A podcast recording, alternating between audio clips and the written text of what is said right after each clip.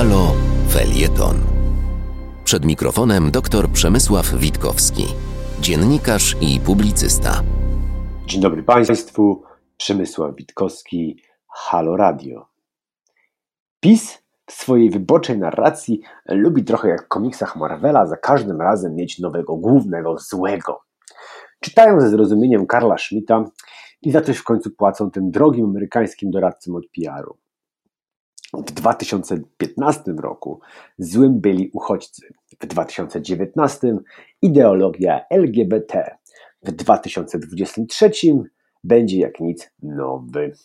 Nic nie stanie w Polsce, nic nie są w stanie w Polsce realnie zmienić, bo jak uczy Wallerstein i Brodel, nie da się od tak zmodyfikować położenia w łańcuchach produkcji, dróg, zwyczajów czy szlaków handlowych, więc mogą tylko grać na emocjach i rozgrywać ludzkie lęki. Grali już tradycją stop islamizacji Bolandy i rodziną ręce precz od naszych pumbelków. Teraz moim zdaniem przedczas na męskość. Dlatego stawiam, że w 2023 roku wielkim złym będą feministki. Oni umieją czytać badania opinii publicznej i widzą, w jakiej grupie młodszych wyborców zyskuje głównie Konfederacja. Ich głównym elektoratem są mężczyźni w wieku 18-30. W tej grupie głosowanie na skrajną prawicę deklaruje niemal 30% ankietowanych.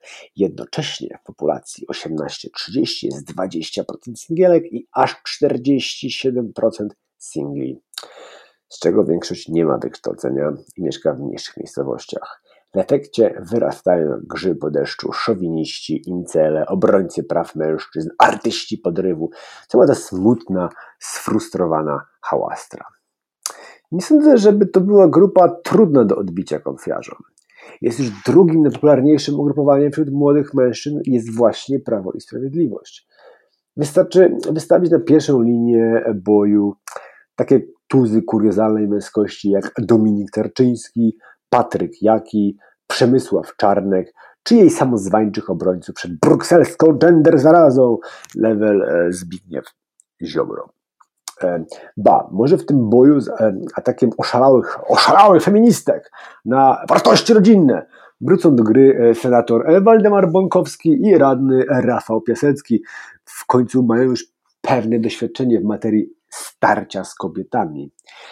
Wyobraźcie sobie, wyobraźcie sobie już teraz tę medialno-polityczną kampanię, której ostrze skierowane będzie naprzeciwko mordującym dziusie lesbijskim, tęczowym, wytatuowanym, opasłym, wykolczykowanym, niebieskowłosym, szczekającym, niszczącym niewinnych mężczyzn, wegańskim, niebinarnym feminazistkom. Serio myślicie, że w Polsce to nie zarze? Zarze. Jeszcze jak a Marcin Rola będzie grzecznie masował stopy nowym panom. Już zresztą zaczął pieszczoty z Zbigniewem Ziobrą, występując, y, występującym na jego programie. Fascynujące jest jednak w PiSie, jak mają różnych ludzi od obsługi różnych elektoratów. Ziobrę od far-rightu, Żaryna od nacjonalistów, Okrasków od socjałów, Gowina od korwinistów, Macierewicza od szurów parafialnych i tak dalej i tym podobne.